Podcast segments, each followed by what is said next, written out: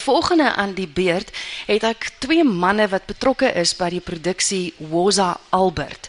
Nou Woza Albert is 'n produksie wat vir die eerste keer in 1981 te sien was. Dis 'n satiriese politieke drama wat in die apartheidsera afspeel. Nou om hieroor te gesels, het ek die regisseur, hy's ook een van die akteurs. Dit is Grisi, oh, het gesê geen klap nie, soen. Grisi Shabangu. Grisi. Dankie. En I told you it's a baby kiss, not a click. Obviously I don't do baby kisses that often. en dan ek ook vir Slansla Klamp Slabat. Baie welkom. Welcome you Ah, guys. Thank you very much. Woza Albert, it was the apartheid era. You said that it's the same play as the one in 1981. Am I correct? Yes, yes. Um, just to give a, a, a brief background on how the play works, because the, the Woza Albert was never a story that was people sat down and wrote. No, they they were sent. The actors were sent to the streets to go and interview people, you know, and and get stories uh, uh, about their lives and how do they see Jesus Christ and that's how powerful the play is because then the, the, the reality of those characters became so potent in, in, in the play that uh, uh, the, the, the play more or less like transcends time. It goes beyond the time. It- although it was written in the 70s late 70s early 80s but still i mean the characters that are in the play uh, are characters that we still see today yeah, there is a, a character of a young mid seller who's never been to school, and there are plenty of children today who doesn't have access to schools. There is a an old lady called Auntie Dudu who is a scavenger. You know, she goes from one dustbin to the other looking for food. I mean, we see all these characters even today, so we can't really say Woza Albert was a, a period play. No, no, it's not a period play. It's relevant today. It's Yeah. very relevant. It's also a prescribed work for learners Yeah. in school. And Yeah. Is that also a reason why you put it on stage? So that listeners, so that you can portray it to listeners and that they can see it for themselves rather than just reading it. Definitely. As, as, as myself, I'm a young person born in 1986. You see, uh, as a young person, I think it's still now very much important to take part. Uh, the children in 1976, they took to the street, they did something for themselves. As now we are here, we are enjoying the fruit of freedom. So it is important as young people today to take part and, and, and say something because they died. What are we doing today in 2018 as young people?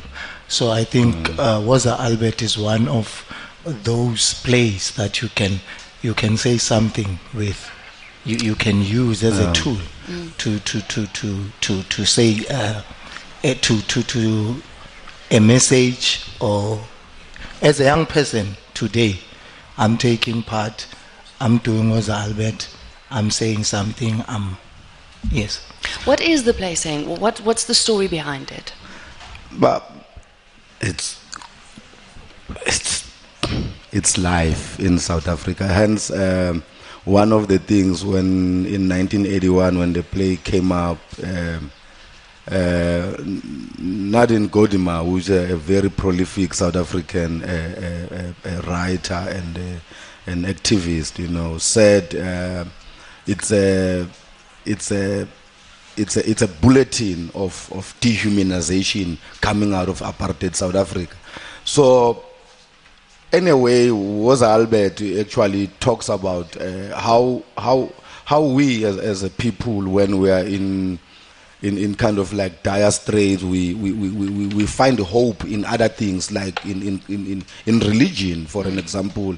We, we find hope. We, we thinking that uh, Morena as in Jesus Christ on his second coming he would come to South Africa and save us you know and basically that's the premise of what Woza Albert is set against. You know you've got the backdrop of apartheid but then we've got hope for the future you know. Because uh, it came at a time where uh, in South African politics the, the, the leaders were either in prison or dead. So there was nobody who was in the country at that time who, who was a leader you know. So and then the play when when when the play uh, gave us the, the, the hope and the voice that one day we shall be free you know because then when when when when when, when Morena as in Jesus Christ at the end of the play he decides to raise all the heroes who are dead you know to continue with the struggle. But it's not a politically charged play. It's just a pure satire at a very very uh, uh, uh, critical time in South African history. The 80s were a volatile time in, in the in South African That's politics. what I wanted to know. Was it seen as prost- protest theatre way back?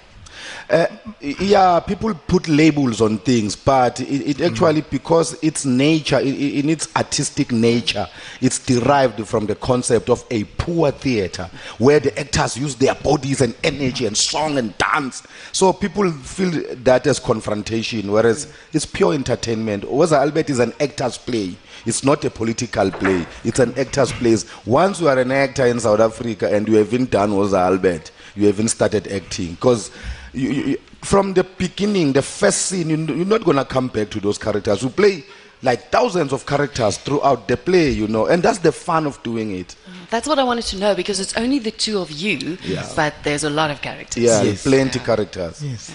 And there's also a mime. It's, it's a physical It's a, theatre. it- yeah. it's, it's a poor theater kind of setup, you know. Yeah. Because, I mean, we use our bodies all the time. We don't have microphones. We don't have anything. We don't have uh, sound systems to put on the music. I mean, we, we, we open with a song, you know, a, a very beautiful jazz song. But we don't have the equipment to do it. So we beat ourselves and we do all these things and and it comes out. So that's the beauty about doing Woza Albert is, is that it's, it's an actor's play. So No. actors are there to enjoy themselves. Now I'm curious. Yes. Why don't you beat yourself now? I want to see the jazz number. Uh, no, it's fine. I'm kidding. Friday. Friday, yeah. yeah, because that's the thing. You're you're only here for one show. Yeah. When is it and where is it? We're performing this Friday at 2 p.m. at the Lowveld High.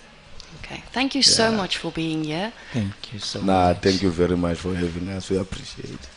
Ek het gesels met Mkisi Shabangu en met Nhlanhla Slabat. Thank you guys. You so.